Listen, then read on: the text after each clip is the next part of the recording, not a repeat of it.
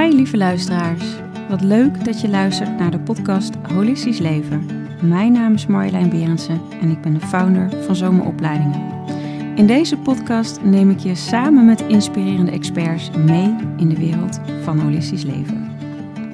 Uh, verlichting is eigenlijk die, die onschuld van een kind, wat een kind heeft. Hè, die, is, die heeft eigenlijk niks nodig, die voelt zich verbonden met iedereen, uh, is helemaal in het nu. In combinatie met dat stukje bewustzijn of, of wijsheid.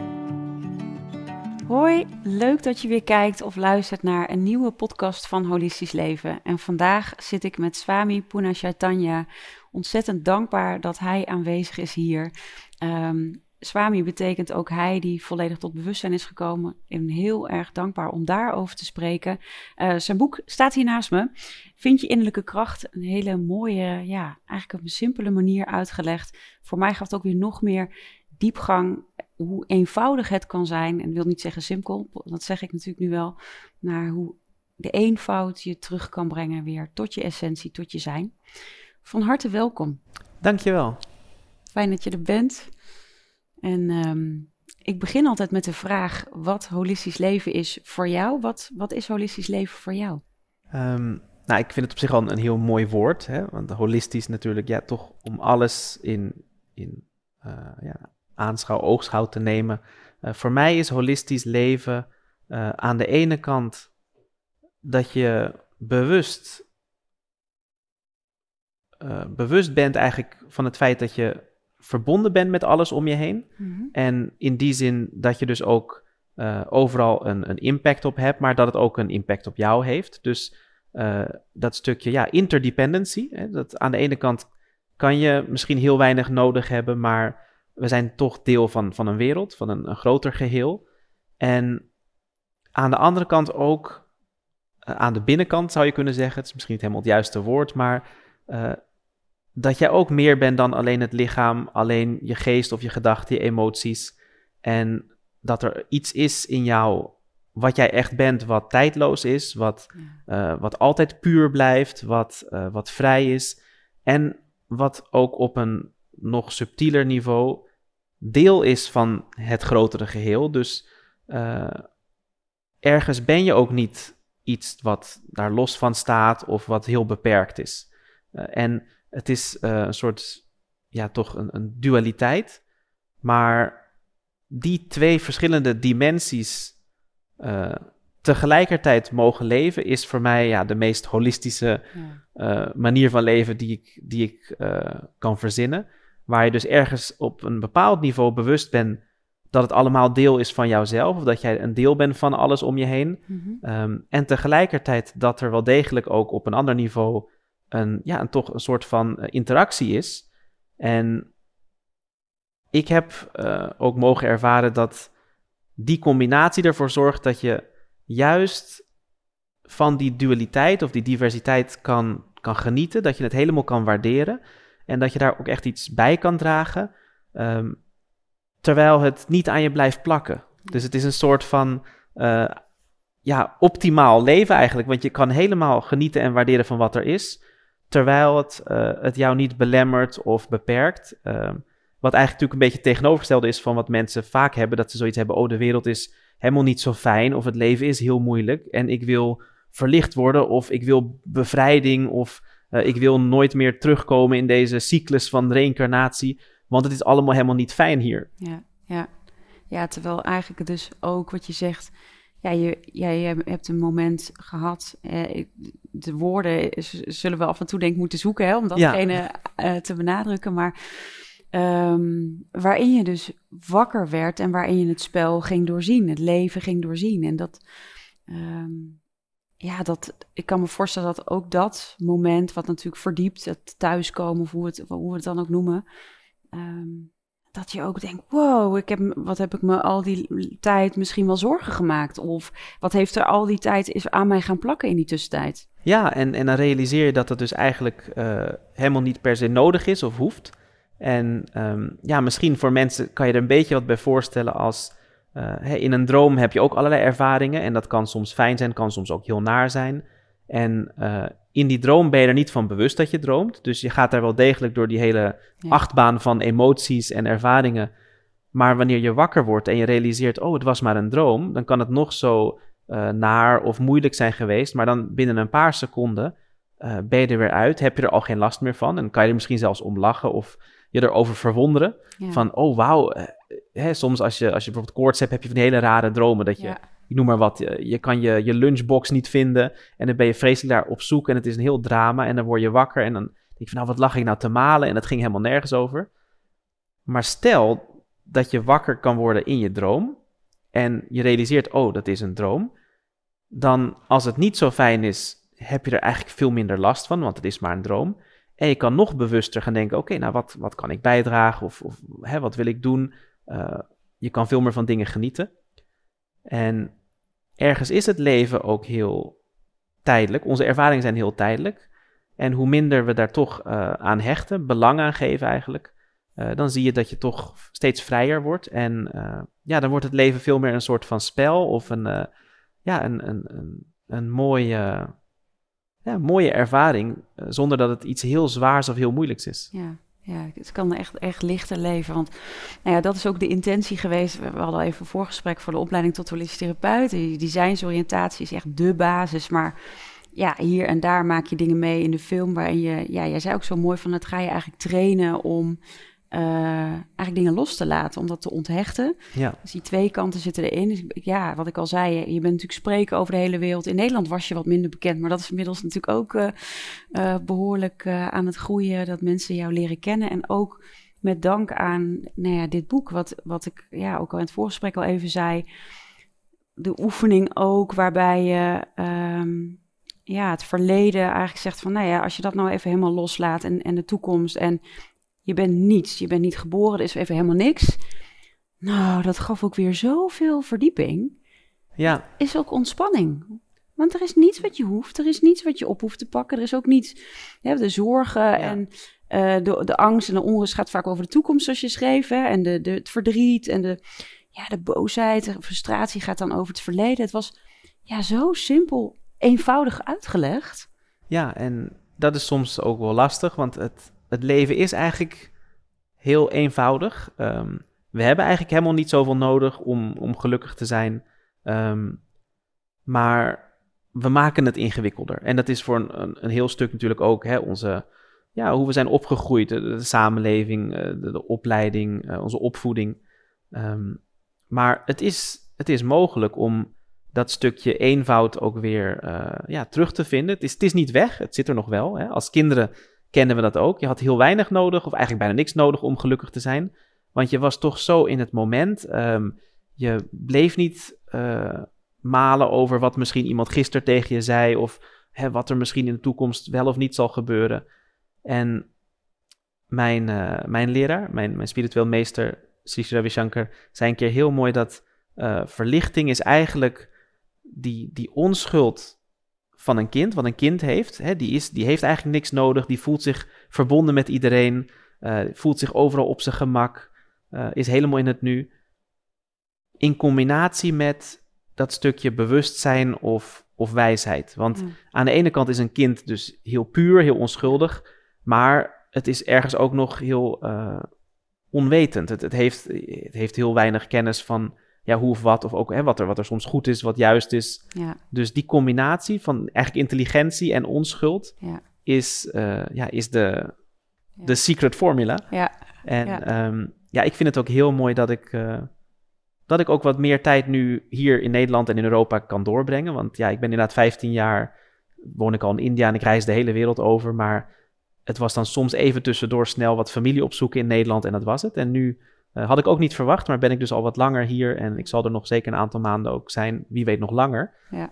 Uh, en het geeft me ook een kans om ja, hier ook toch mensen te leren kennen, ja. uh, te delen wat ik in al die jaren heb geleerd um, en op die manier ook mensen hier te kunnen helpen. Ja, ja weet je, we hadden het al even over, wij leiden lichtwerkers op, dat verspreidt alleen maar meer en hoe dieper dat dus ook ja, land, het je echt dat, dat wakker kunt zijn, dat het ook niet meer aan je kleeft, zoals je zo mooi zei ja, dat geeft gewoon zoveel rijkdom. En je zei ook even, hè, een kind is nog onschuldig en weet het niet. Het is eigenlijk een soort van onbewust bekwaam wat je wordt Ja. natuurlijk.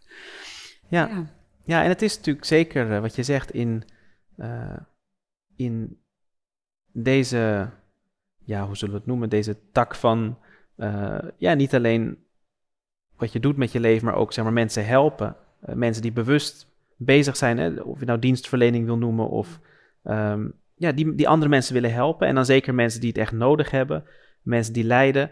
Eh, er zijn over de hele wereld ontzettend veel mensen die natuurlijk op allerlei manieren bijdragen. Of het nou ontwikkelingshulp is of eh, mensen die ehm, eh, ja, naar plekken gaan waar er bijvoorbeeld ehm, natuurrampen zijn geweest of oorlog. Of, maar hier ook bijvoorbeeld, er zijn zoveel mensen die, die depressief zijn Ja. of die andere problemen hebben. Of gewoon die ziek zijn, hè, in ziekenhuizen bijvoorbeeld. Maar als jij keer op keer toch weer eigenlijk toch die plekken opzoekt, hè, of in gevangenissen, en je ziet mensen die het toch heel moeilijk hebben, die, die lijden, ehm, dan heb je ook echt dit stukje verdieping nodig, zoals je zegt. eh, en dat is heel mooi. Dat is zo essentieel van hoe kom je toch weer bij jezelf? Hoe kom je bij dat stukje van jou wat onaangeraakt blijft, wat, wat puur blijft? Eh, hoe kom je weer helemaal in je centrum? Want anders zal je na een tijdje toch of een soort van burn-out ervaren, dat, je, Ja. dat, dat, het, dat het te veel wordt. En dat zie je ook soms. Ik, ik heb zoveel mensen ontmoet, eh, want er zijn zoveel organisaties die heel veel goed werk doen, maar dan zie je toch dat na een tijdje of mensen het niet meer trekken, want Ja. het, is, het is toch te veel. Dat Ja. komt te veel binnen. En ja, als je dat niet meer van je af kan schudden, eh, hoe ga je er dan mee om? Hè? Hoe slaap je nog s'nachts? Hoe, hoe, hoe leef je nog gewoon jouw leven? Ehm, of je ziet dat mensen toch ergens heel ehm, ja, insensitive worden. Dat ze eigenlijk heel eh, hard worden. Of, Ja. eh, want dat is een andere manier om ermee om te gaan. Je ziet vaak in ziekenhuizen dat de, hè, de verpleegster...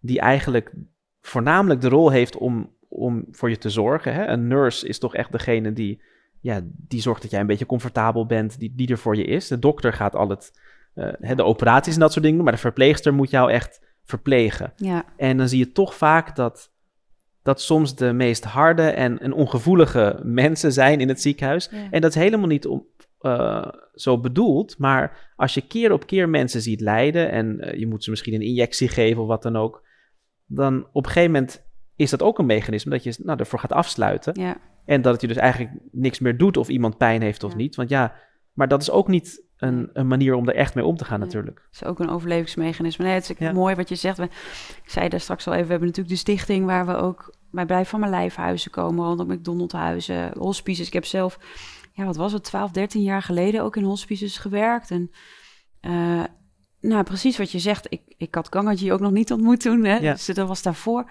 Maar dat raakte me zo erg. En ik, och, mijn hart huilde gewoon van het verdriet Ja. dat ik zag en voelde. En het bleef inderdaad aan mij plakken. En nou ja, pas later ontmoette ik Gangaji toen echt mijn leven een grote puinhoop was. Was het grootste cadeau uiteindelijk. Want Ja, als je alles kwijt bent, eh, besef je ook, ja, maar er is niets. Er is alles een, een, een, een kaartenhuis wat ik dacht te hebben, is, is weg. Dus het gaf tegelijkertijd ook in alle onrust en pijn ook zoveel ruimte. Er was Ja. nergens, ik, was, ik had gefaald, ik had het niet goed gedaan.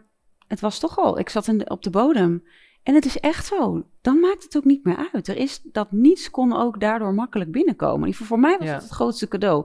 Dus ja loslaten is toch vaak moeilijk. Ja. Eh, ergens, eh, ook al realiseren we ons soms dat iets misschien niet het beste voor ons is, maar soms is het toch een stukje wat vertrouwd is of wat gemoedelijk is of, of omdat we het kennen ergens wat veiliger is. Ja, Nou ja, en dan is loslaten soms eh, heel moeilijk. Ja, En soms word je geforceerd om dingen los te laten of worden dingen van je afgenomen. ja, Ehm, maar dat, zoals je zegt, brengt soms ook weer een situatie waarin je dus, ook al wilde je daar misschien helemaal niet zijn, waarin je realiseert van, oh, maar zonder dit ja. red ik het dus ook nog. Of ben Ja. ik er ook nog? Of ben ik nog oké? En het besef dat het ook een droom was. Ik had ook gewoon, soms moest ik zo lachen gewoon. Om alles, weet je, nou, we hebben het gehad over jouw humor. Maar ook daarin dacht ik, het is echt, dit verzin je toch niet gewoon? Dit is niet te verzinnen. Maar ook daarin dus, ook in ja, een soort van nieuwe onschuld dat je ontdekt. Oké, dit is dus een droom, dit is een Ja. film. En, en daarvan wakker worden. wil niet zeggen dat ik ook in momenten in mijn leven een soort van ook wel weer wat dieper in slaap raak. Of misschien Ja. toch wel weer die koortsachtige dromen heb. Dat ik dat, dat dat momenten weer attach. Want hoe, hoe is dat in jouw ervaring? Of dat je weer even merkt, oeh, nou ging ik er wel weer even heel erg in mee in die film. Of, Ehm, Nou, als ik heel eerlijk ben, uh, ik zie dat het ook nog over de jaren nog steeds uh, wel verandert. In de zin van, hè, ik, ik uh, maak nog steeds elke dag tijd voor een stukje ademhalingstechnieken, meditatie, het, het chanten van mantra's. En dat is echt mijn ochtendritueeltje, zeg maar. Soms als ik er s'avonds nog even tijd voor heb, neem ik daar ook nog een momentje voor. En het is niet als ik dat een dag niet kan doen, omdat ik bijvoorbeeld heel veel aan het reizen ben of programma's heb, dat ik dan ja, een vaatdoek ben of dat ik, uh, dat ik helemaal uit mijn centrum ben. Maar ik merk wel, merk wel dat, uh, ondanks dat, dat er echt een hele stevige basis is, dat het toch nog steeds weer uh, toevoegt. Dat je toch elke keer weer nog een, ja, een stapje verder daarin kan gaan. nieuwe inzichten zich openbaren of ja, een nieuwe laag van, van ervaring of nog meer ja, toch, toch los kunnen laten of, of verbonden kunnen voelen. Um, dus dat is voor mij heel waardevol. Het is een hele mooie een beetje een magische reis ook. Want je, je weet nooit wat er, wat er nog komt. Als ik hmm. nu terugkijk naar vijf jaar geleden, had ik nooit kunnen verzinnen waar ik nu zit of wat ik doe of, of, hoe ik mensen mag helpen. En in die zin heb ik ook geen flauw idee waar ik me over vijf of tien jaar zal bevinden. Um, ik merk wel soms dat. Uh, ja, het is, het is niet zozeer dat ik, dat ik zelf echt eh, nog heel veel in die, die achtbaan zit, zeg maar. Mm um, maar wat ik soms toch nog wel merk is dat, uh, dat het niet altijd heel makkelijk is om echt iets helemaal van je af te zetten als je ziet dat bijvoorbeeld ja, iemand het heel moeilijk heeft of, of dat er ergens mensen het heel moeilijk hebben. Dus, uh, en dan is het niet zozeer dat ik daardoor geraakt word, maar soms dan zie je echt dat iemand heeft het heel moeilijk en dat is niet nodig. Ja, hè? Dus kijk, sommige dingen, dat is gewoon, ja, dat, dat, dat zijn uh, realistische problemen. Iemand heeft geen huis, ja. uh, dak boven zijn hoofd of heeft niks te eten. Maar je ziet ook zoveel mensen die het echt uh, ja, toch heel moeilijk hebben. En of ze nou depressief zijn of, of gestrest of ongelukkig of nou, ik noem maar wat. En mensen komen vaak ook naar me toe, zeggen nou ik heb dit probleem, kan je daar wat voor aan doen of iets voorstellen, wat kan ik hiermee doen of hoe benader ik dit? En toch vaak zijn het dingen die we ergens ja, onszelf hebben opgelegd. Misschien niet bewust, maar dus iets wat, wat helemaal niet nodig is. Heel veel van dat lijden kan vermeden worden uh, met de juiste inzichten en, en technieken. En soms zijn mensen, staan er helemaal voor open of die kunnen er wat mee, soms ook nog niet. Um, maar dat vind ik soms wel lastig, dat je ziet dat mensen het dus heel moeilijk hebben en het is niet nodig. En misschien zijn zij ook zelf nog niet bereid om daar echt naar te kijken of wat mee te doen.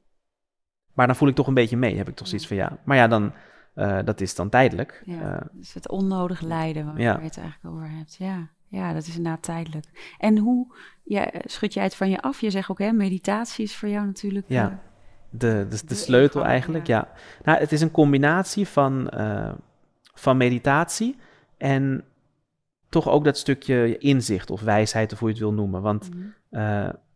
ergens hebben we allerlei ervaring. En tussendoor ervaar je ook soms dat je echt helemaal in je centrum bent of helemaal gelukkig of uh, dat je heel verbonden voelt. Maar wat ik heb ervaren ook en geleerd is dat die combinatie van, van de ervaring en ook weten wat voor ervaring het is of wat het is, dat, dat maakt het compleet. Dus uh, bijvoorbeeld in mijn boek heb ik dan ook een stukje de tijd genomen om uit te leggen, nou, hoe werkt die geest? Hè? Ja. Uh, en ook in meditatie, wat voor ervaringen of uh, ja, uh, stappen kom je tegen, kan je tegenkomen. Want het moment dat je dat kan benoemen, dan kan je het ook een plaats geven. Hè? Mensen denken bijvoorbeeld, oh meditatie, dan hoor je helemaal geen gedachten te hebben. Ja. En daar kunnen ze echt mee worstelen, terwijl het moment dat je iets probeert te doen, dan ben je nog steeds iets aan het doen. Ja. En meditatie, echte meditatie, is juist nog een stapje verder, waar je juist alles loslaat en, en niets doet. Ja. Dus en dan zie je dat toch ook hè, tegenwoordig heel veel uh, ja, dingen die als meditatie worden geïntroduceerd. Is toch bijvoorbeeld dingen als mindfulness, visualisaties. En ja. die hebben ook hun plek en dat heeft zeker voordelen. Maar dan ben je nog steeds iets aan het doen. Klopt. Met je geest, je bent ergens mee bezig.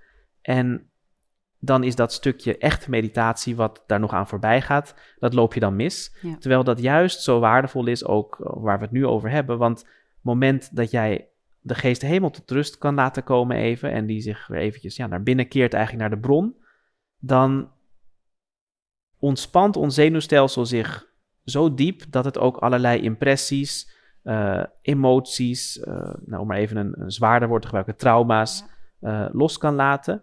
Waar we vaak op intellectueel niveau misschien nog heel erg mee worstelen. Want soms weet je ook dat wat er gebeurt, is al gebeurd. Hè, wat er gebeurd is. Dus je hebt misschien iets naars meegemaakt. Maar ja, hoe laat je dat los? En dan kan je wel proberen dat goed te praten of dat een plek te geven. Maar los van die ervaring, die herinnering, zit er nog een gevoel achter. En dat is wat het probleem is. Ik bedoel, ik heb ook moeilijke dingen meegemaakt in mijn leven. Mhm. En het is niet dat ik dat ben vergeten. Ik kan me dat nog heel goed herinneren. Maar dat gevoel erachter, ja. dat is er niet meer. Dus die, die, die pijn of die angst of dat ongemak of het oordeel of wat het ook is. En om dat echt op te kunnen lossen, moet je dus ook een stapje dieper gaan dan het intellectuele stuk, uh, dan je gedachten. En dan heb je het over je gevoel. En meditatie onder andere helpt ons dus ook om op dat niveau dus heel veel onnodige impressies los te laten, wat we als kind nog konden. Een kind valt in slaap en is helemaal weg. Die kan soms ook echt helemaal zo over de arm van zijn moeder hangen in de meest bizarre posities en die slaapt heel lekker. En dan word je ochtends wakker en dan is het echt een hele nieuwe dag. En al die oude files zijn allemaal gedelete, zeg maar. Het is gewoon helemaal fris. En dan kan je weer net zo leuk in de zandbak spelen met datzelfde jongetje die gisteren jouw speeltje had afgepakt. Ja. Um, ja en, is... en dat stukje is denk ik uh, heel belangrijk, want je ziet toch zoveel mensen echt worstelen met nou, van alles. Alle, misschien is hun leven oké, maar in de wereld is er van alles wat, wat misschien niet oké voelt of wat heel naar is. Ja, en als je dat toch niet los kan laten, dan kan het jou heel erg beperken in uh, ja, hoe, jij, hoe jij je leven leeft. Hoe, jij, je, hoe verbonden jij je voelt met de mensen om je heen. Hoe beschikbaar je bent. Hoeveel jij kan genieten van, van je lunch. Of hoe goed jij je werk kan doen. Ja. Um, en dat is eigenlijk zonde. Ja. Want de wereld is heel mooi. Er is zoveel wat we kunnen ervaren. Er is, uh, we hebben zoveel, ieder heeft zoveel bij te dragen. We kunnen zoveel moois doen. En ja, het is zonde natuurlijk als je dan zoveel van je tijd en energie kwijt bent met dingen die ja, eigenlijk helemaal niet zo belangrijk zijn als we denken. Ja, ja het is echt prachtig. En dat, dat, ja, je schrijft ook echt meerdere dingen in je boek die daar ook naar wijzen. Hè? Dus hoe mensen bijvoorbeeld ochtends opstaan. Ja, ik ben als ik wakker word, dan lig ik en dan ga ik eerst, eerst daar blijven, mediteren. Nou ja, reiki doe ik dan. En ik ben wakker. Ik heb geen koffie nodig, niets nodig, weet je. En wat je ook zo mooi schreef. Heel veel mensen eerst allemaal koffie erin, eerst opstarten. Want dat, dat je neemt alles weer opnieuw. S ochtends dat hele verhaal draag je eigenlijk weer bij. Ja. En dat sleur je weer met je mee. Um, maar ook wat je bijvoorbeeld schreef, vond ik ook zo fijn. Ja, 20 minuten meditatie, echt diepe meditatie, staat gelijk aan uren weer slapen. Weet je, dat is dat zo in het moment zijn. En wat ik ook heel mooi vond, wil ik even zeggen, ook die wijsheidssutra's. Oh, daar gaat ik ook even een paar keer even over daarin te zakken. Want wat is nou jouw favoriete wijsheidssutra? Waar um, is het voor jou? Nou, voor, voor de mensen die dat misschien niet weten, ja, het is natuurlijk niet echt een Nederlands woord, sutra. Het is, het is een Sanskriet woord, maar wel een heel mooi woord. Het is eigenlijk uh, technisch gezien een, een, genre op zich in de oude geschriften uh, in, in de Vedische traditie. En het, het wordt gedefinieerd als uh, Alpaksharam Asangdigdam Saravat Vishwatomukam. En dat is Sanskriet. Ja. Maar dat, dat betekent, om het even uit te leggen, dat betekent dat uh, een sutra is, een, is iets dat in een, in een paar woorden, heel weinig woorden, uh, de hele essentie van, van iets kan samenvatten, zonder dat er nog uh, onduidelijkheid is eigenlijk.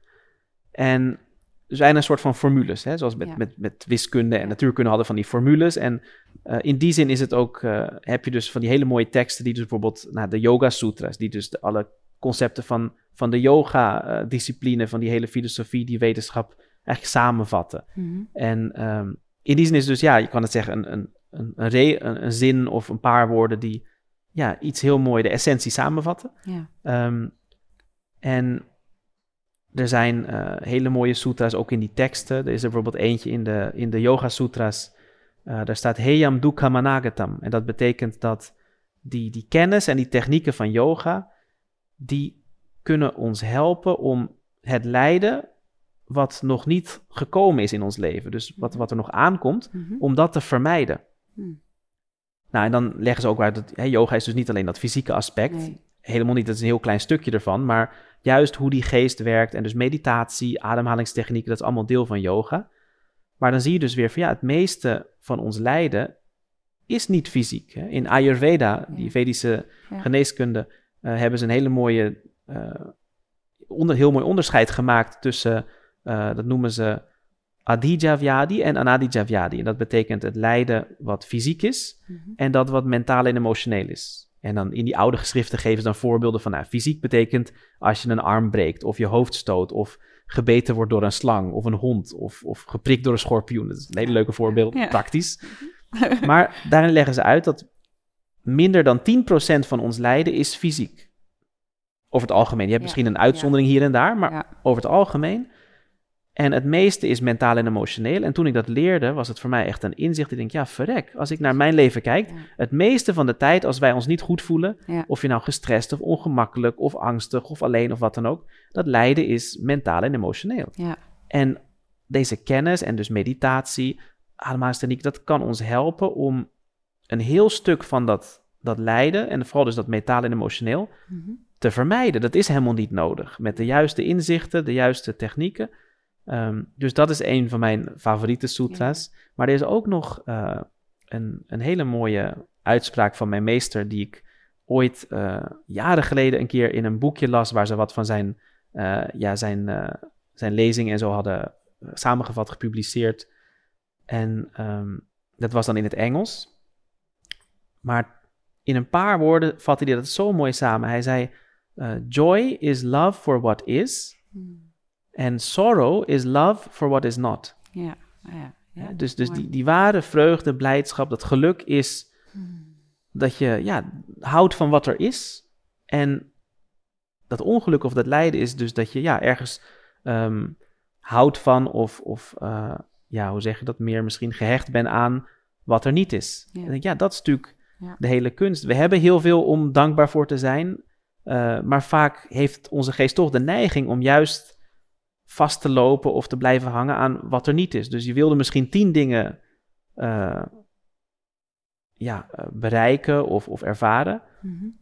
En negen heb je er misschien inderdaad heb je, heb, heb, je gehad of gedaan of het is gelukt. Maar die ene is nog, niet, uh, is nog niet rond. En dan blijven we elke keer daarin hangen. Ja. Van, oh, dat is er nog niet of dat wil ik ook. Terwijl er zoveel is om, om gelukkig voor te zijn, door te zijn. Dus dat zijn van die, ja, van die kleine capsules eigenlijk. Maar ja, voor mij is dat echt iets, dat was echt weer een, ja, zo'n zo'n openbaring, zo'n realisatie dat je, oh ja, verrek. Zo is het ook. Inderdaad. Ja, zo ja. schrijf je het ook in het boek. Eh, niet in deze woorden hoor, maar wel van, ja, gelukkig zijn is eigenlijk wie je bent. Dat is die essentie al. Ja. En alles daaromheen is dus ook die droom waar je dan in terecht komt weer. Ja. Kan je ja, ineens schoot het me te binnen, die wijsheidssutra's. Hè? Je hebt natuurlijk ook de mantra's. Waar, waar, ja. waar, waar, waar, zit dat verschil dan in? Hoe... Um, nou ja, het, het, man, het woord mantra tegenwoordig is ook steeds uh, ja. Net als yoga, meditatie. Hè? Dus het wordt allemaal steeds meer mainstream en dan worden mensen er ook steeds creatiever mee. Ja, want jij hebt de 108. Nou, ik, heb, ik zet hem vaak regelmatig op jou, uh, ja. oma, niet uh, Padme maar jij zegt het dan nog mooier. Uh, Om Namah Shivaya. Om Namah Shivaya, dankjewel. Ja. ja, die is echt heel fijn. Maar 108 keer mantra, ja. Ja, nou, dus technisch gezien is... Mantra heeft ook een hele mooie definitie. Ja. In de geschriften zeggen ze mananaat trayate iti mantra. En dat betekent dat een mantra is een, een klank of een aantal klanken die door hem te herhalen een aantal keer de kwaliteit heeft dat het uh, eigenlijk jou, jou voorbij je, je geest of je gedachten kan brengen. En dus in contact met dat wat nog subtieler is. Dus eigenlijk wat de geest tot rust kan brengen. Hmm. Um, en verschillende mantra's hebben nog een specifiek effect, want die hebben allemaal een unieke eigen, ja, toch, toch trilling, energie. Dus het is een ander soort energie. Maar uh, in het algemeen is dus de kwaliteit van mantra's, is, dat zijn die klanken die ja, eigenlijk jouw geest tot rust brengen en jou nog daar voorbij laten gaan. Dus ook een hele mooie voorbereiding op meditatie bijvoorbeeld. En in die zin is het ook niet zo dat elk woord maar een mantra kan zijn. Dus we hebben tegenwoordig natuurlijk management mantra's en dat soort dingen. En ja. ik was laatst nog door een uitgever werd ik benaderd in India en die vroeg of ik een boek over mantra's wilde schrijven.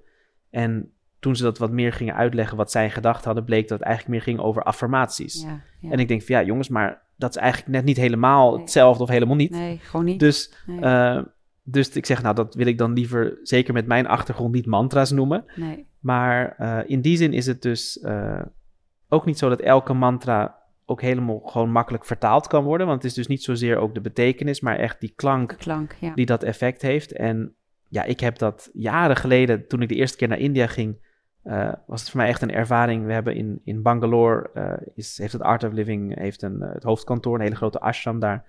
En ik was daar een tijdje toen heen gaan na mijn middelbare school. Ik wilde een beetje in India reizen voordat ik ging studeren.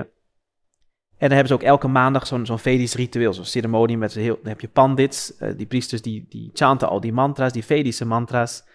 En dat was prachtig, het zag er een beetje Harry Potter-achtig uit, of Lord of the Rings, weet je, dan zitten ze daar en al die handbewegingen en ja, het is, het is heel mooi, echt een hele, hele, hele sfeer. Um, en er zaten heel veel mensen en ik zag de meeste mensen zaten met hun ogen dicht en die zaten echt helemaal zo erbij. Nou, die waren ergens diep in meditatie. Ja. En ik zat in het begin nog te kijken, want ik vond het ontzettend ja. interessant. En toen op een gegeven moment dacht ik van nou, dan doe ik ook even mijn ogen dicht en dan luister je naar die mantra's. Nou, bijna niemand weet ook wat het allemaal betekent, want de meeste mensen kennen geen Sanskriet en die zijn daar helemaal niet uh, zo bekend mee. Maar toen merkte ik dat je luistert naar die klanken en het komt een soort van golven over je heen. En op een gegeven moment was ik weg en dat realiseerde ik me pas toen ik weer terug was. Ja. En toen opeens waren er mensen aan het zingen, want aan het eind zingen ze dan ook nog wat, uh, hè, wat van die devotionele uh, liederen. En toen realiseerde ik me dat, de, dat die ceremonie was voorbij, of het was aan het eind. En een half uur lang was ik dus weg geweest en ik voelde me ontzettend fris. mijn geest was heel stil, echt super zen. ik voelde ook heel veel energie in mijn lichaam, dus het was een hele mooie ervaring. Maar dat was voor mij echt een, een soort openbaring. Ik denk van, oh wauw, dus alleen al door daarnaar te luisteren, ja. terwijl je niet eens weet wat het betekent, heeft het wel echt een hele diepe impact. En ook niet dat dat net alleen bij mij was, want er waren daar duizenden mensen. En ook uit nou ja, Mongolië, Zuid-Amerika, Rusland, van over de hele wereld. Ja. En iedereen had dezelfde ervaring. Ja. Iedereen zat er zo bij. En.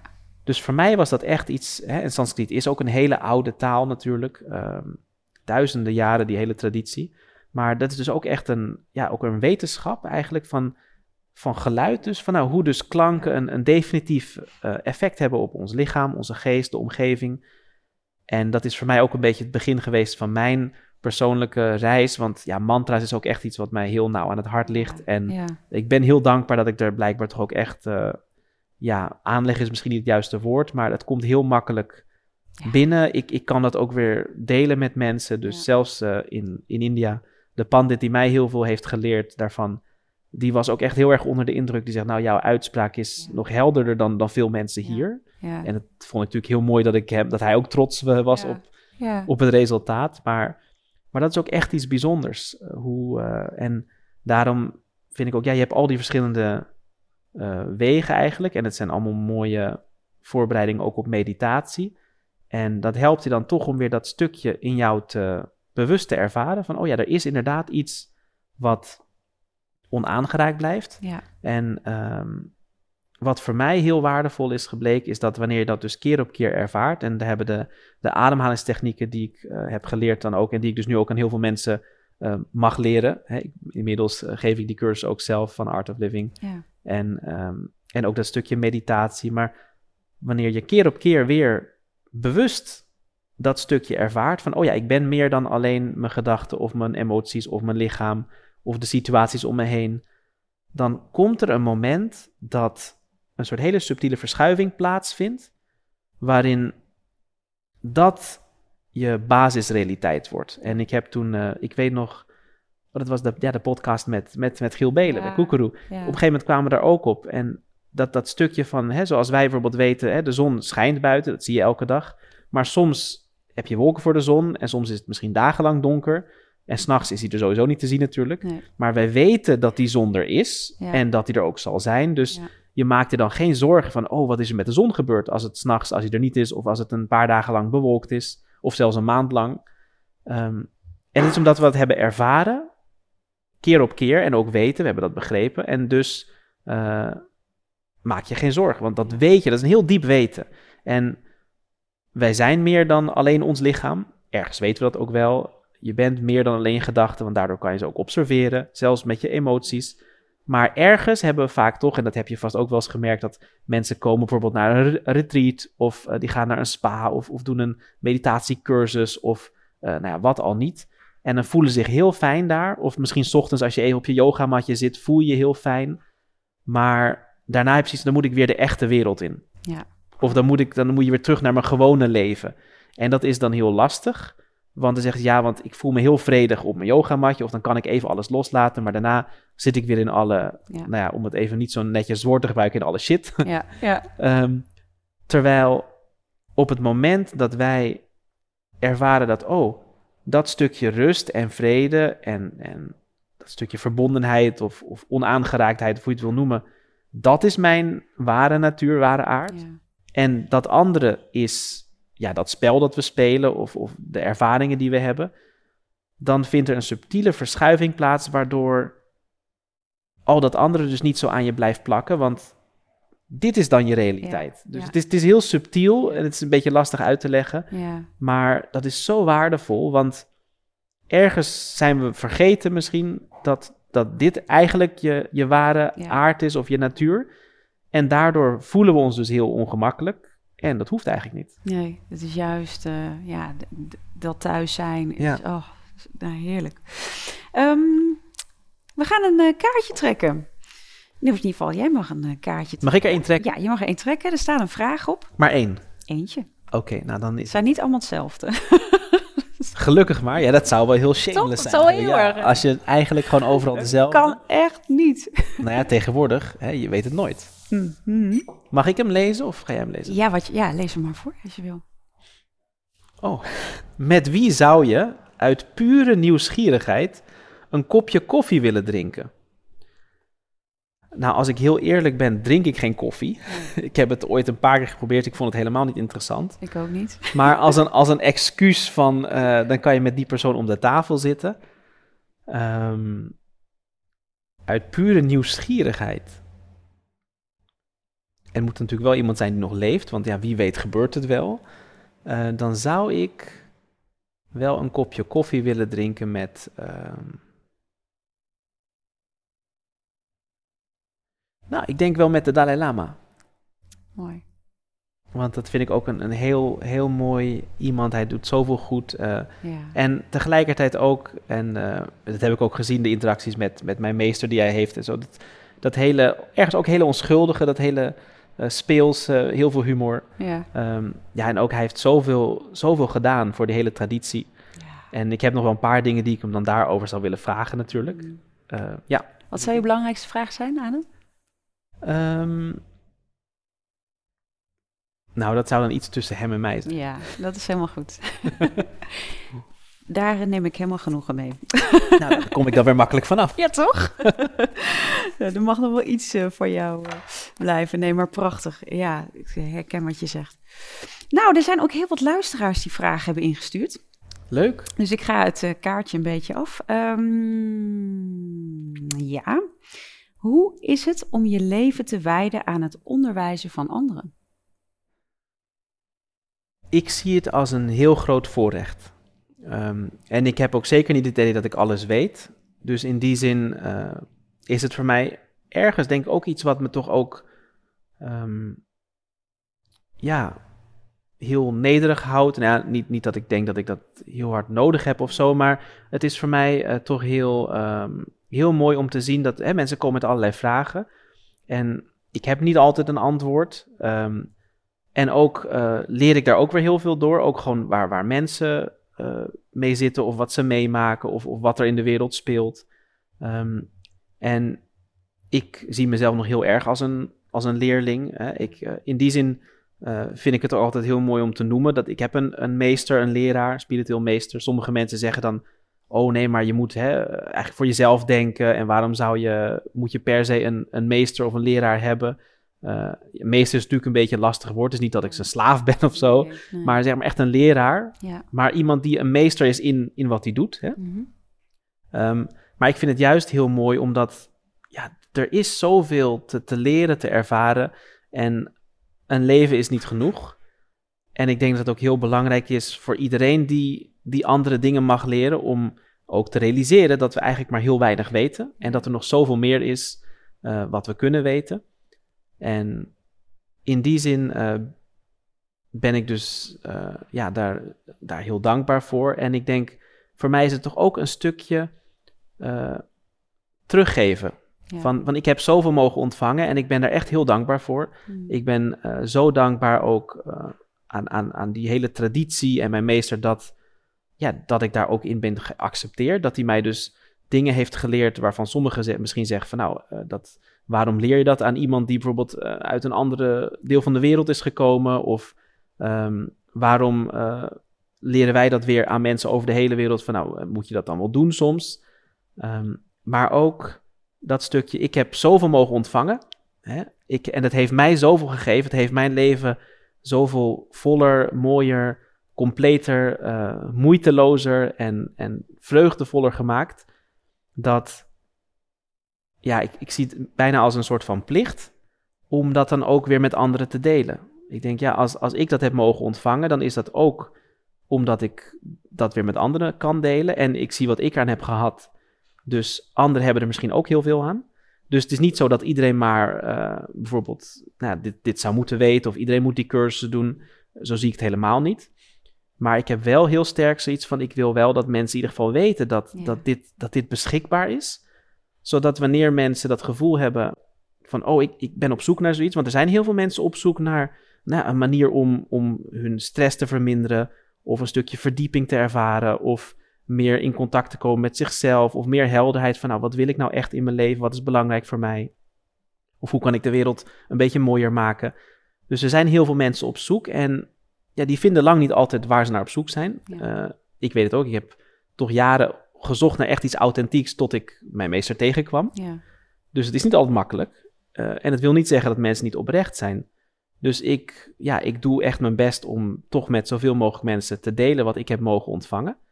En uh, ja, dat is een, uh, een, hele taak. Dus er, en ik, ik heb dat dusdanig zo gevoeld en dat voel ik nog steeds, dat ik dus ook mijn leven eraan heb gewijd. Ja. Um, en ja, een swami is toch ook een, een monnik in die Vedische traditie. Dus ergens ben ik ook een soort van, ja, uh, custodian. Dus ja, hoe zeg je dat in het Nederlands? Een, een soort van bewaker of, ja. of iemand van die traditie. En dat wil ik dan dus ook graag weer, weer doorgeven. Zodat ook in de, de komende generaties mensen nog toegang hebben tot, tot die hele mooie kennis. Ja, um, echt... En ik vind het een voorrecht. Ik bedoel, er komen zoveel mensen op mijn pad. En uh, ja, ik vind het ergens ook heel. Um, ja, humbling, hoe zeg je dat? Heel, uh... Ja, de humbling is bijna eigenlijk geen mooi Nederlands woord. Nee, precies. Ja, dus heel, het is niet vernederend nee, of zo, maar het is, het is dieper dan. Ik vind, ik, ja, ik, ja. Ik, ik, ik, word daar, ik voel me daar heel dankbaar voor dat ik dus ja, mensen iets aan mag reiken. En dat ze inderdaad dus ook dan vaak weer delen dat het, dat het ze echt heeft geholpen. Ja, ja. Ik bedoel, wat, wat, wat is er mooier dan dat? Is ook, ja. Heel herkenbaar. Voor mij is mijn teacher natuurlijk Gangaji, een ja. ander uitgangspunt, maar het, het voelt Nee, maar dan weet je precies hoe dat, hoe dat voelt, ja. Ik voel zoveel ontroering ook met wat je zegt. Dat het raakt me heel diep. Het is echt precies dat. Er is, daar heb ik mijn leven echt aan gegeven. Dat is, ja. Dit heb ik en dat is iets dat, dat uh, dat soms hier natuurlijk, zeker in het Westen, is dat hele idee van, uh, ja, toch, uh, hè, dat, dat, dat, dat, dat je helemaal ergens aan wijden, heeft niet altijd een goede naam, omdat in het verleden, hè, dat, het hele stuk van, hè, we hebben slaven gehad en wat al niet, maar in het Oosten is het juist een, een, iets wat, wat heel hoog gehouden wordt, wat heel, waar heel veel respect voor is, want moment dat jij ja, iemand vindt waarvan je zegt, nou, die, die vertrouw ik helemaal, of die, die, die weet het echt beter dan ik, dan om je echt te kunnen, om daar echt in te kunnen groeien en je echt te kunnen ontwikkelen, is het heel belangrijk dat je ergens toch loslaat. Want als je altijd maar toch op de achtergrond van, nou, ik weet het niet zeker, of misschien weet ik het wel beter, of ik weet niet of die wel helemaal gelijk heeft, dan beperk je ergens ook heel erg jouw capaciteit van, van leren, van dingen ervaren. Dus als je echt wil groeien, in, in wat voor vak dan ook, of wat voor aspect, zal je ergens toch eventjes je hele rugzakje leeg moeten maken en zeggen: Oké, ik ben helemaal bereid, ik sta helemaal open om iets nieuws te ervaren. Want als je iets, iets helemaal nieuws wil, ja, wil ervaren in je leven, als je iets, iets wil doen wat je nog nooit hebt gedaan, dan zal je toch voor iets nieuws open moeten staan. Hè? Soms zeggen mensen: Ja, ik wil wel gelukkiger zijn of dit. Maar als je steeds hetzelfde blijft doen wat je al die jaren al deed, dan is dat, hè, zoals Einstein dat zei, dat is de klassieke definitie van, van waanzin. Ja. Dus heel veel mensen zijn, zeggen soms, ja, ik wil inderdaad, eh, hè, ik wil minder stress, ik wil meer energie, ik wil me gelukkiger voelen.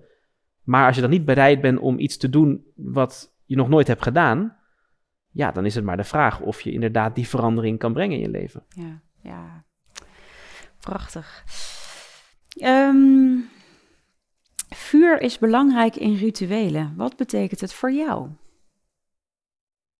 Ja, het heeft wel een heel persoonlijk eh, iets. In de Vedische traditie is vuur sowieso uh, is ook een heel belangrijk aspect. Ehm, dat is weer een heel onderwerp, dus daar zal ik nu niet op ingaan.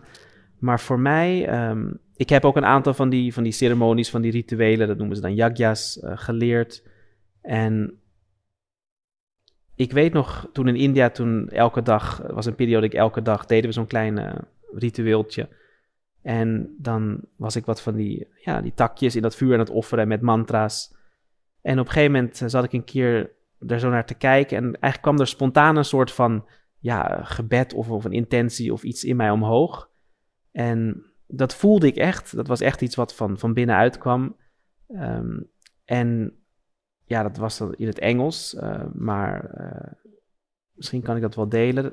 Dat uh, may my life be like the fire, always rising upward, ever pure, purifying anything that comes into contact with it, and bringing light and spreading warmth all around. Dus dat was voor mij, ja, dat, dat, want vuur heeft die kwaliteit. Zelfs als je het ondersteboven houdt, gaat het alsnog omhoog. Dus het gaat nooit naar beneden. Het is altijd omhoog. Het is altijd uh, ja, naar, naar uh, wat, wat beter of het hogere of hoe je het wil noemen. En het is ook altijd puur. Het is een van de elementen die, die niet vervuild kan worden. Hè, lucht kan vervuild. We hebben tegenwoordig genoeg luchtvervuiling. Ja. De aarde kan vervuild worden. Water. Ja. Water ook. Maar vuur niet. Nee. Dus je kan wel afval in het vuur stoppen en dan wordt het rook en dan wordt de lucht vervuild. Ja. Of de aarde. Maar vuur is altijd puur. Dus het is iets wat nooit vervuild kan worden, maar het, het, het purifies, dus het, het reinigt of het, uh, ja, het maakt dingen wel puur. Alles wat in het vuur gaat, wordt puur eigenlijk. En het is ook iets wat natuurlijk licht en warmte verspreidt. Ja. Um, dus ik had ja, allerlei kwaliteiten wat voor mij... Um, ja, op dat moment kwam het heel erg binnen. Ik had zoiets, oh wauw, dat mijn leven ook zo mag zijn als een vuur. Dat iedereen die, ja, die met mij in contact komt, toch ook daar weer iets uit mag halen. Of het nou wat licht is, of wat warmte, of, of dat ik ergens kan helpen om toch dingen te transformeren of uh, puurder te maken. Ja. Maar dus ook waar je ook terecht komt, dat het altijd wel omhoog gaat. Ja. Dat het nooit naar beneden. En het vuur is ook loslaten, want in het vuur mag alles verbranden. Ja. Alles wat je toch niet bent. En niks blijft plakken. Nee. Het kan nooit vervuild worden. Ja, ja. Dus, uh, ja prachtig. Um, natuurelementen hebben invloed op je innerlijk. Hoe werkt dat? Nou, dat is weer een heel, heel diep Heel, onderwerp. uh, ja, ja. Maar ik denk dat we het hier hebben dus over die, Ja. die vijf elementen. In de Vedische traditie uh, Centraal. zeggen ze ergens wordt alles opgebouwd, is alles opgebouwd uit die vijf elementen. Aarde, water, vuur, lucht en ether. Ja. En in Ayurveda bijvoorbeeld ook. Uh, op die manier worden ook, uh, wordt iedereen geclassificeerd. Je hebt je eigen natuur en dat is een combinatie van die vijf elementen. En omdat in jou een paar elementen iets dominanter zijn dan in mij, Mm -hmm. zien wij er niet helemaal hetzelfde uit. Ja. En dat is ook fysiek, Ja. maar ook mentaal en emotioneel. Dus je hebt allerlei eigenschappen, karakteristieken die je daarop kan terugleiden. Dat is ontzettend interessant. Ja. Dus mensen die zich daarin willen verdiepen, nou in Ayurveda kan je daar echt de diepte mee in. Um, en uh, wat was de vraag precies? Uh, Over de- natuurelementen hebben invloed op je innerlijk. Hoe werkt dat? Ja, je innerlijk. Dus, ja, dus zoals ik al zei, dus ook uh, bepaalde kwaliteiten van ja, hoe, jij, hoe jij de wereld om je heen ervaart. Uh, hoe je denkt, bepaalde emoties. Om misschien één voorbeeld te geven.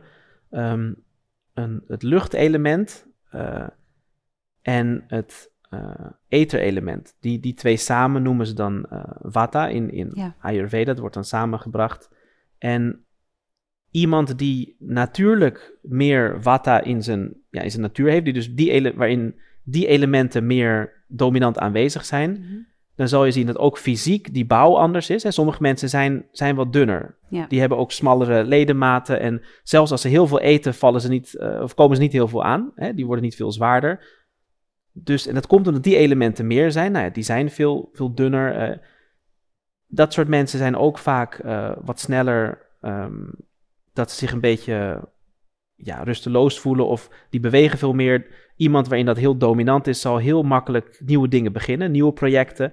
Start elke keer weer nieuwe dingen, nieuwe ideeën, maar maakt hetzelfde af. Want halverwege krijgen ze weer een ander idee. Ja. En het is ook lastig om op één plek langer stil te zitten. Hè. Sommige mensen die, zijn, die gaan hier, hier dat, dat. Rustelozer. Precies, ja. want, en, en zeker als het dan een beetje uit balans gaat. Nou, een luchtelement, de wind is ook hè, overal. Ja. Dus, ehm, en dan zal je ook zien dat ze veel meer gedachten hebben.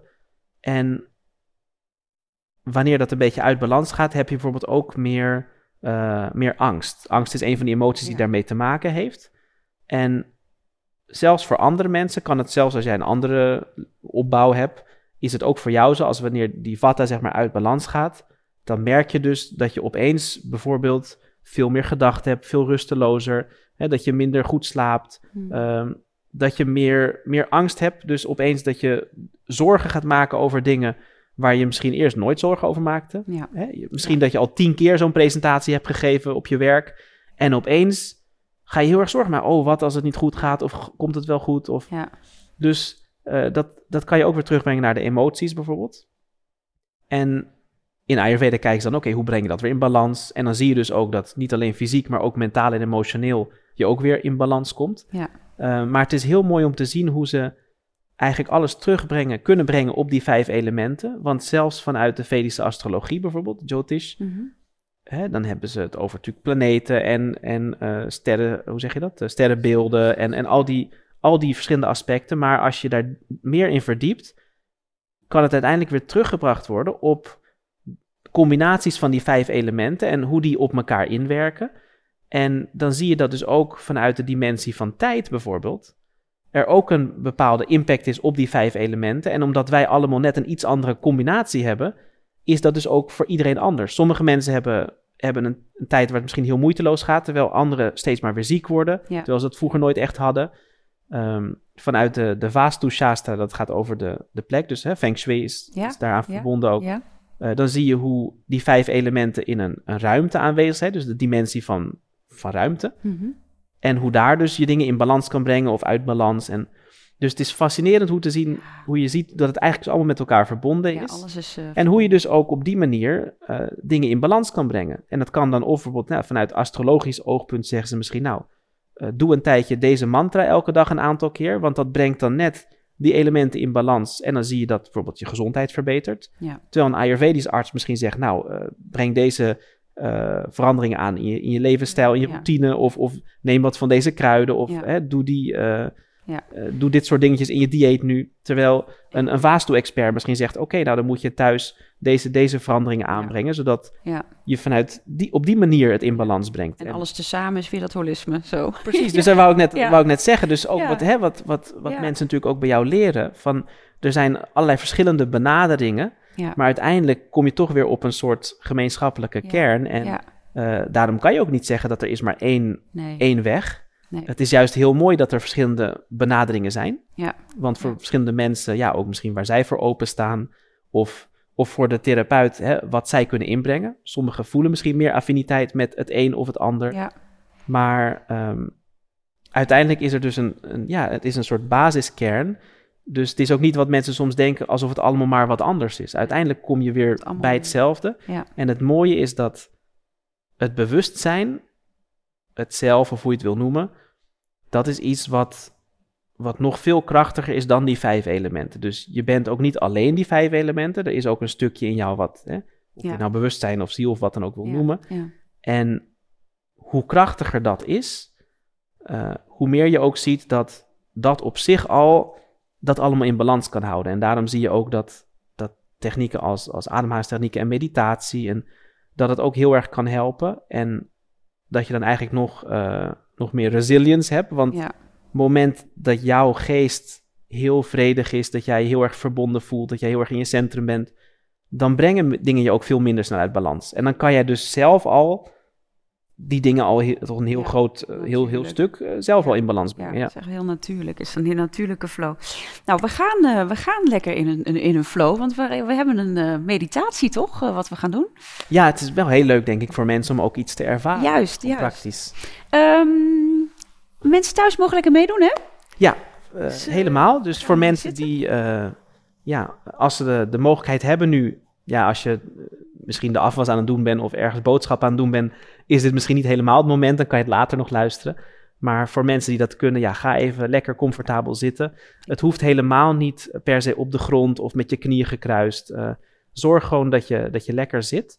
Ehm, het is wel fijn als je rug een beetje recht is, maar je mag best ergens tegenaan leunen. Hoor. Dus eh, mogen tegen de stoel aanleunen. ja, ja, zolang het lichaam eh, kan ontspannen, is het goed. Want als je fysiek niet comfortabel voelt, dan is het ook moeilijk om de geest te ontspannen. Dus ga voor, vooral voornamelijk eh, comfortabel zitten. En dan mag je je ogen sluiten. Je mag je handen ook ontspannen. Je hoeft niet een speciale mudra of iets dergelijks handpositie te houden. Je mag ze met de, de handpalmen omhoog op je knieën of in je schoot leggen. En dan ademen eerst een keer normaal diep in. En dan langzaam uit door de mond.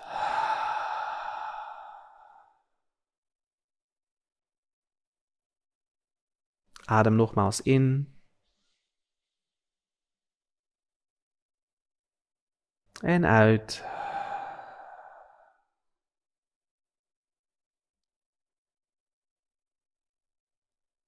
Wanneer je inademt, geeft dit je lichaam energie.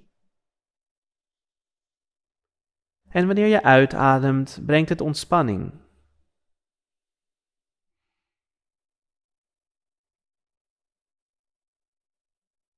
Word je bewust van dit fenomeen dat zich continu afspeelt.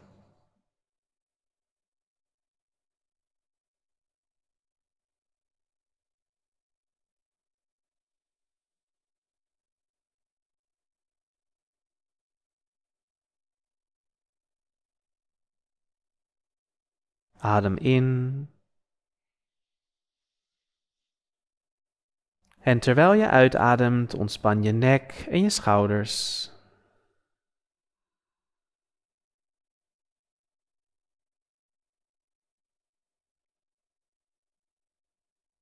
Ontspan je gezicht.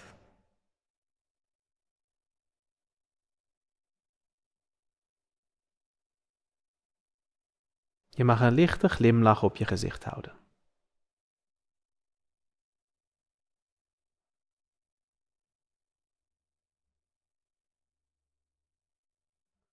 Ontspan je armen en je handen.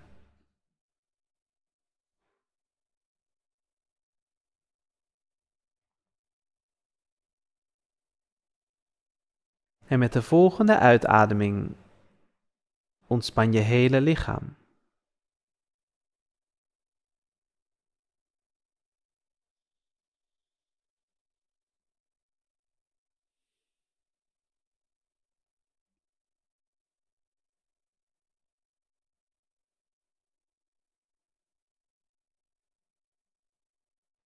Nu houden we ons lichaam de komende paar minuten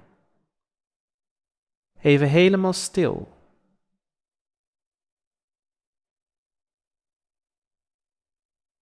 Alsof je een steen of een standbeeld bent.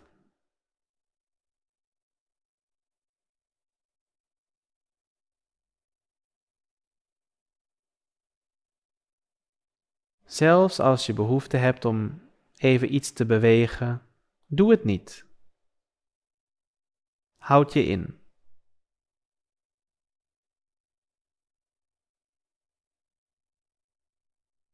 Je bent even helemaal bewegingloos. De enige beweging in je lichaam is die van de ademhaling. Die geheel moeiteloos en vanzelf gaat.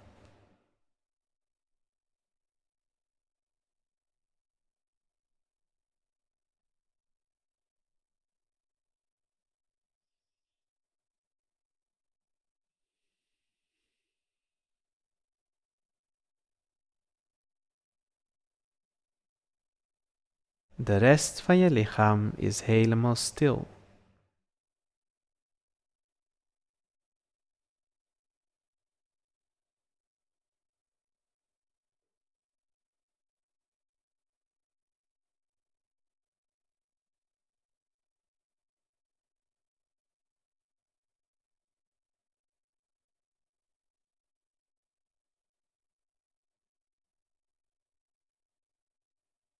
Word je bewust van het feit dat wanneer je lichaam helemaal stil is, je geest ook vanzelf tot rust begint te komen.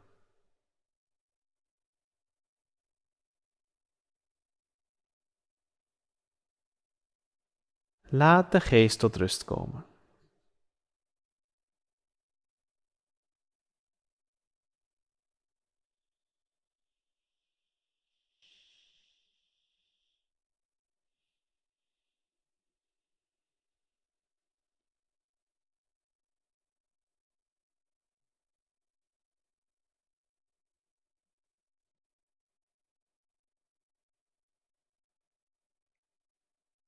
En hoe meer de geest tot rust komt,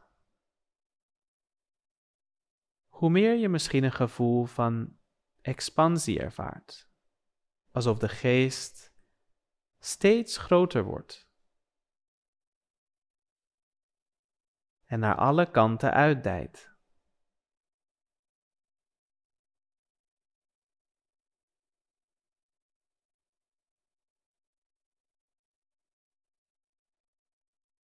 De geest wordt steeds groter. Tot hij de hele kamer vult waar je in zit.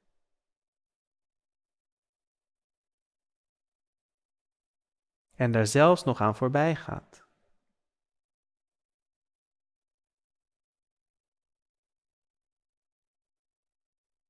Hij wordt groter en groter.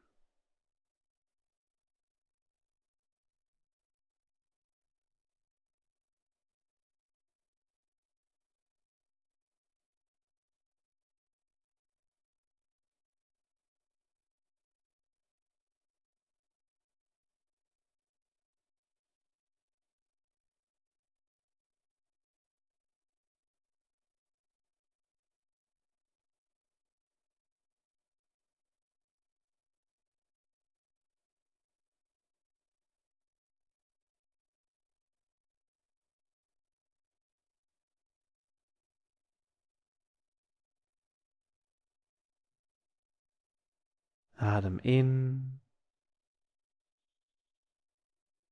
en uit.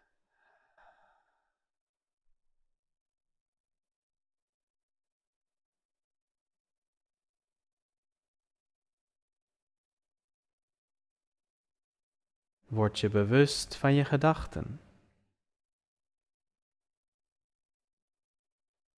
Wat voor gedachten het ook mogen zijn. Of het nou goede of slechte gedachten zijn. Verzet je er niet tegen.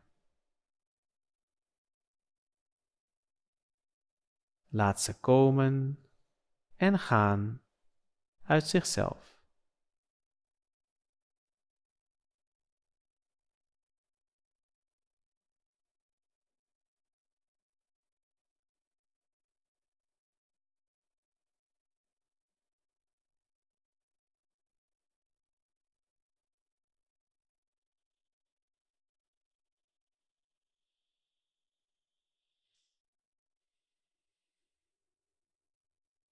De gedachten zijn als de golven aan de oppervlakte van de oceaan.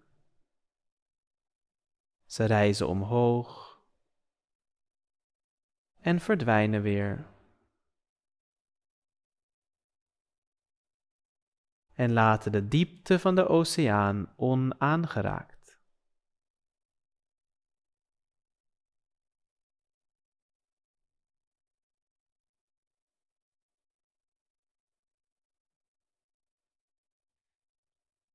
Jij bent als de oceaan, wijd en diep.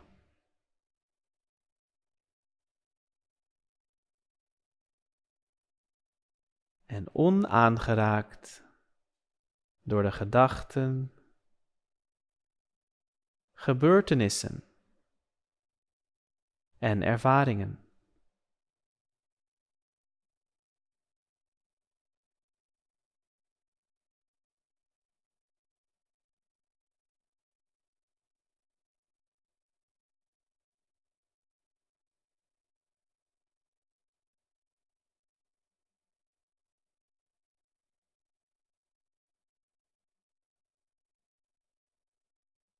Je bent er altijd al geweest.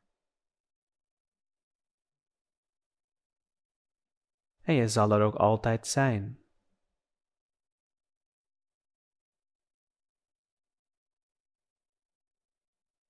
Eeuwig. Puur. En onaangeraakt.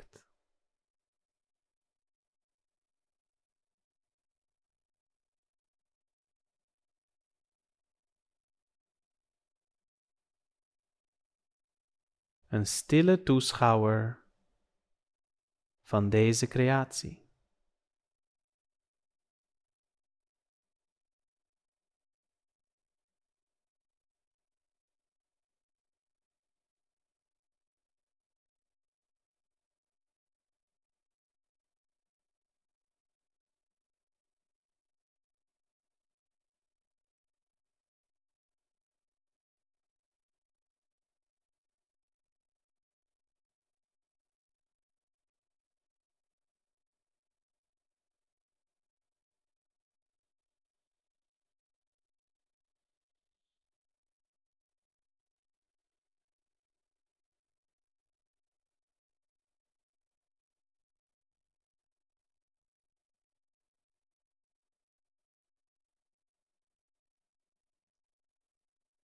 Voel nu even alsof alles wat je wilde doen gedaan is.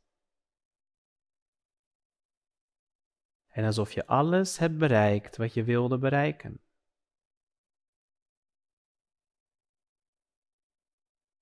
Er is niets meer te doen. Je bent vervuld en tevreden.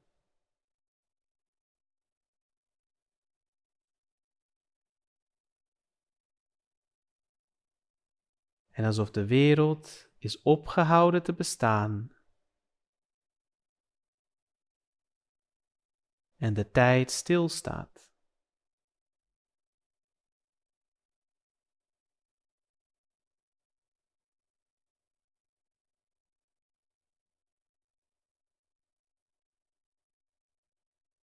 Op dit moment is er niets te doen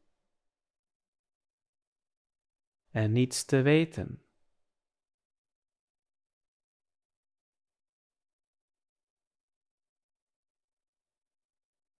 Laat alle inspanning los en ontspan je helemaal in dit moment.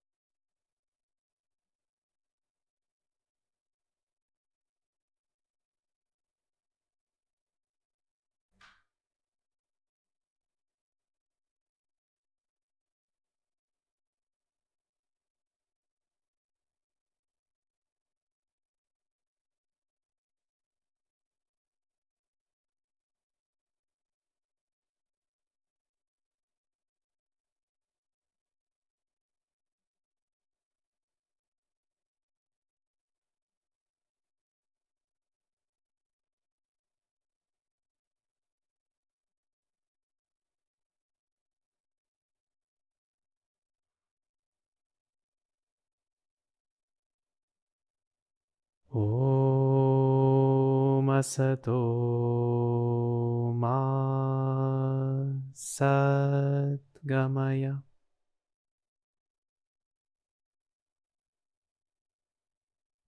तमसो मा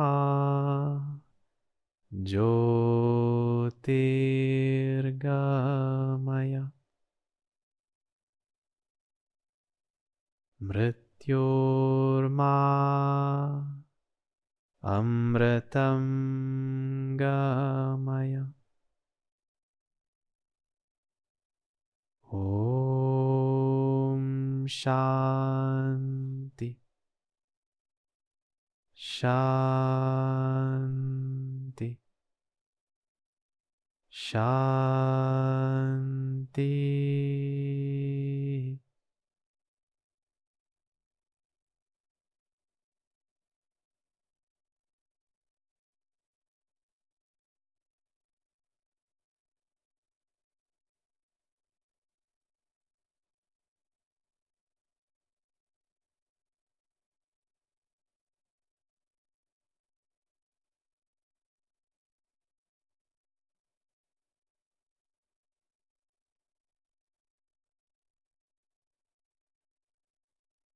Adem in.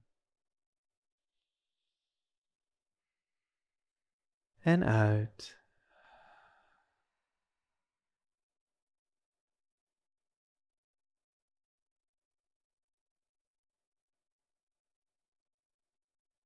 Word je langzaam bewust van je lichaam en de omgeving.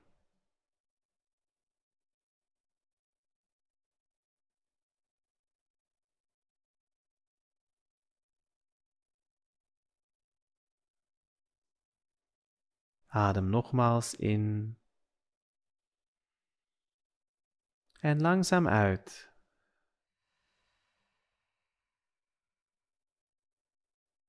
Als je wil, kan je je vingers een beetje bewegen.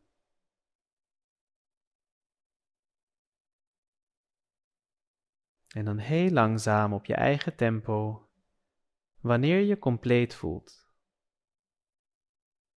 mag je geleidelijk je ogen weer openen. Maar neem de tijd.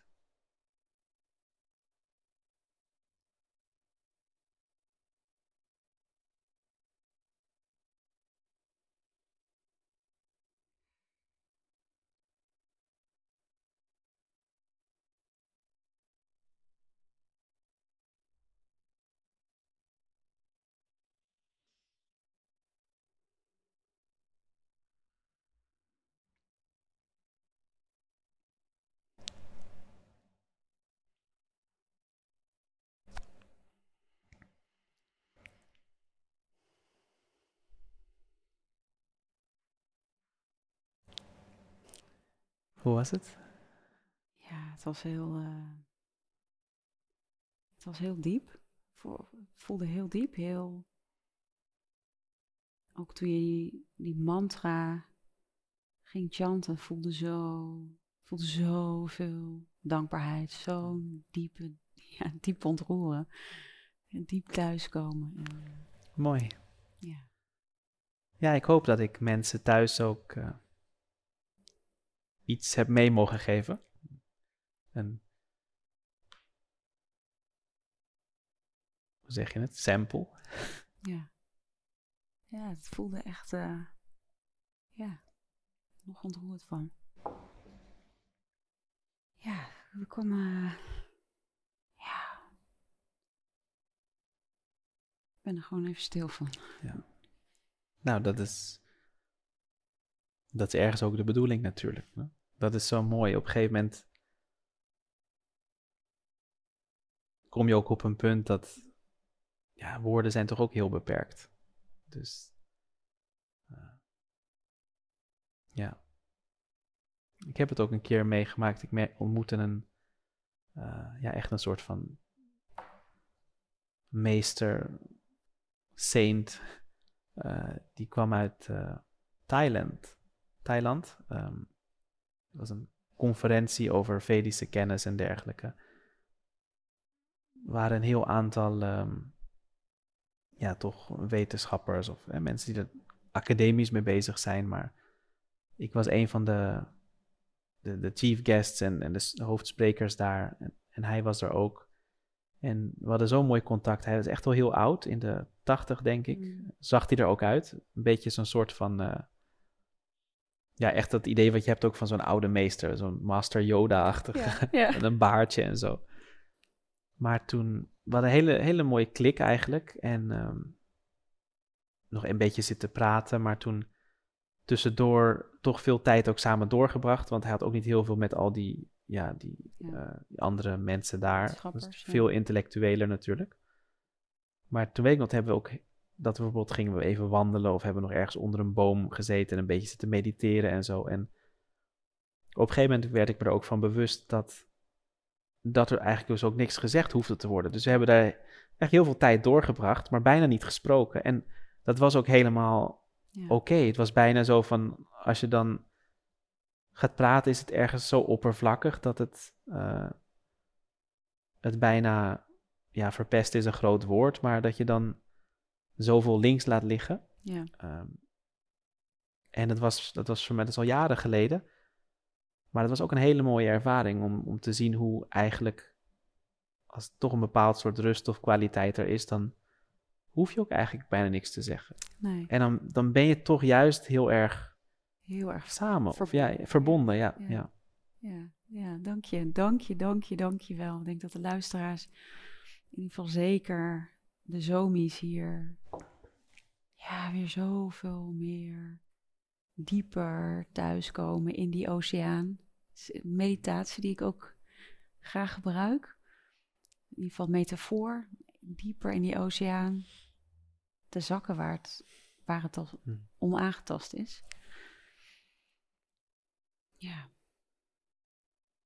Als je ehm, nog één tip zou mogen meegeven aan onze, nou ja, onze luisteraars van de. Ja, ehm, nou ja, behalve natuurlijk kan ik heel schaamd ook zeggen, lees mijn boek of luister, is ook als luisterboek beschikbaar, maar Ja. ehm, omdat er toch, eh, ja, niet één, maar heel veel tips of inzichten die ik over de laatste twintig jaar heb, heb mogen leren, ervaren eh, en die ik graag ook met mensen wilde delen. Eh, niet iedereen hoeft het wiel opnieuw uit te vinden.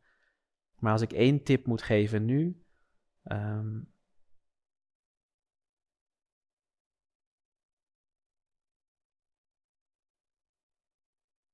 dan denk ik. Ja, toch iets van tijd vrijmaken tussen al het andere wat we hebben te doen. ehm, om hier nog wat meer in te investeren. Dat stukje, of je het nou meditatie noemt, of, of hè, leren hoe, hoe de geest werkt. Of eh, hè, er zijn zoveel technieken, maar Ja.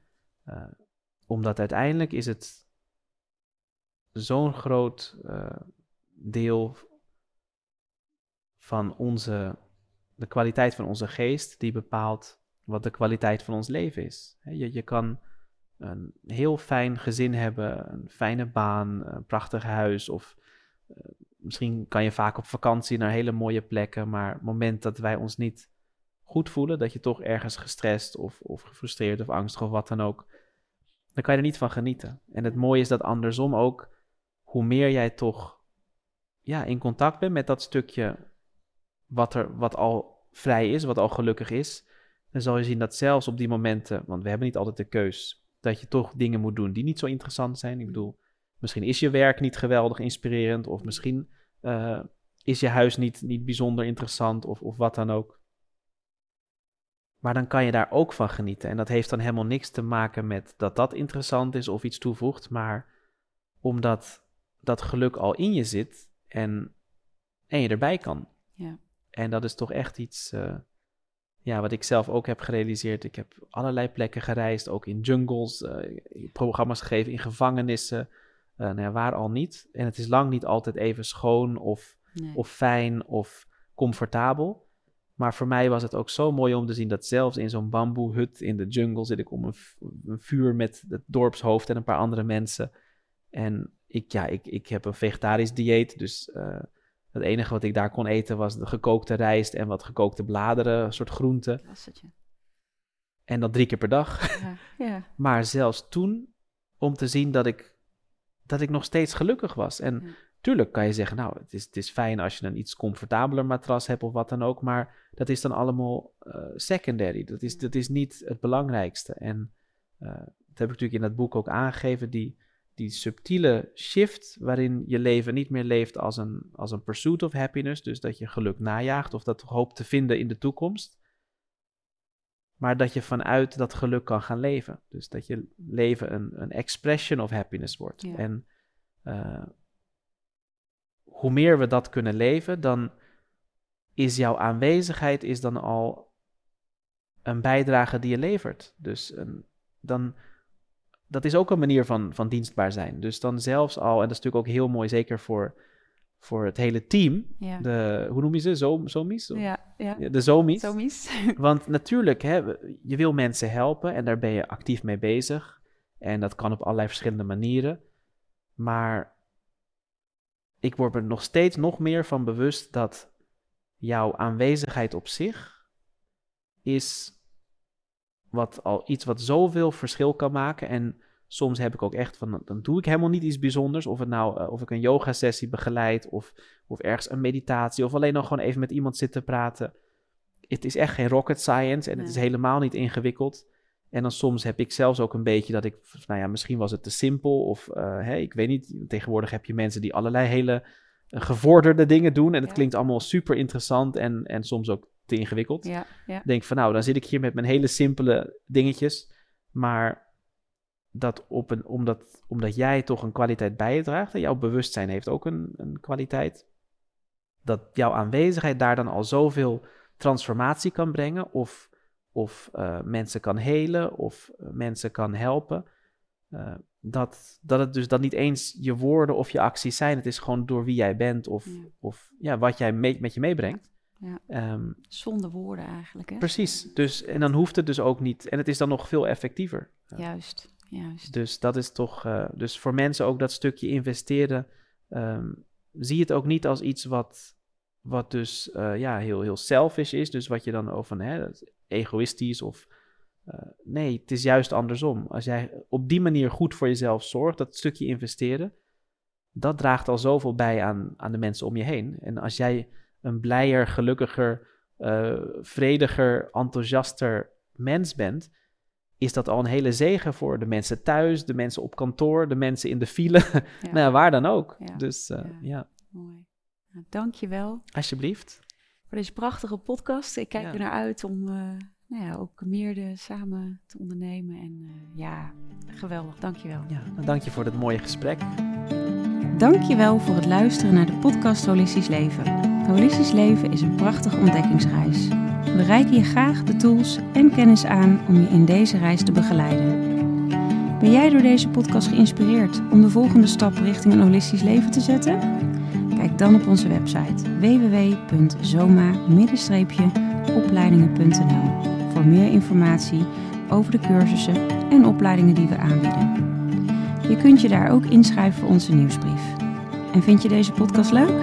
Volg ons dan via je favoriete podcast-app of abonneer je op ons YouTube-kanaal.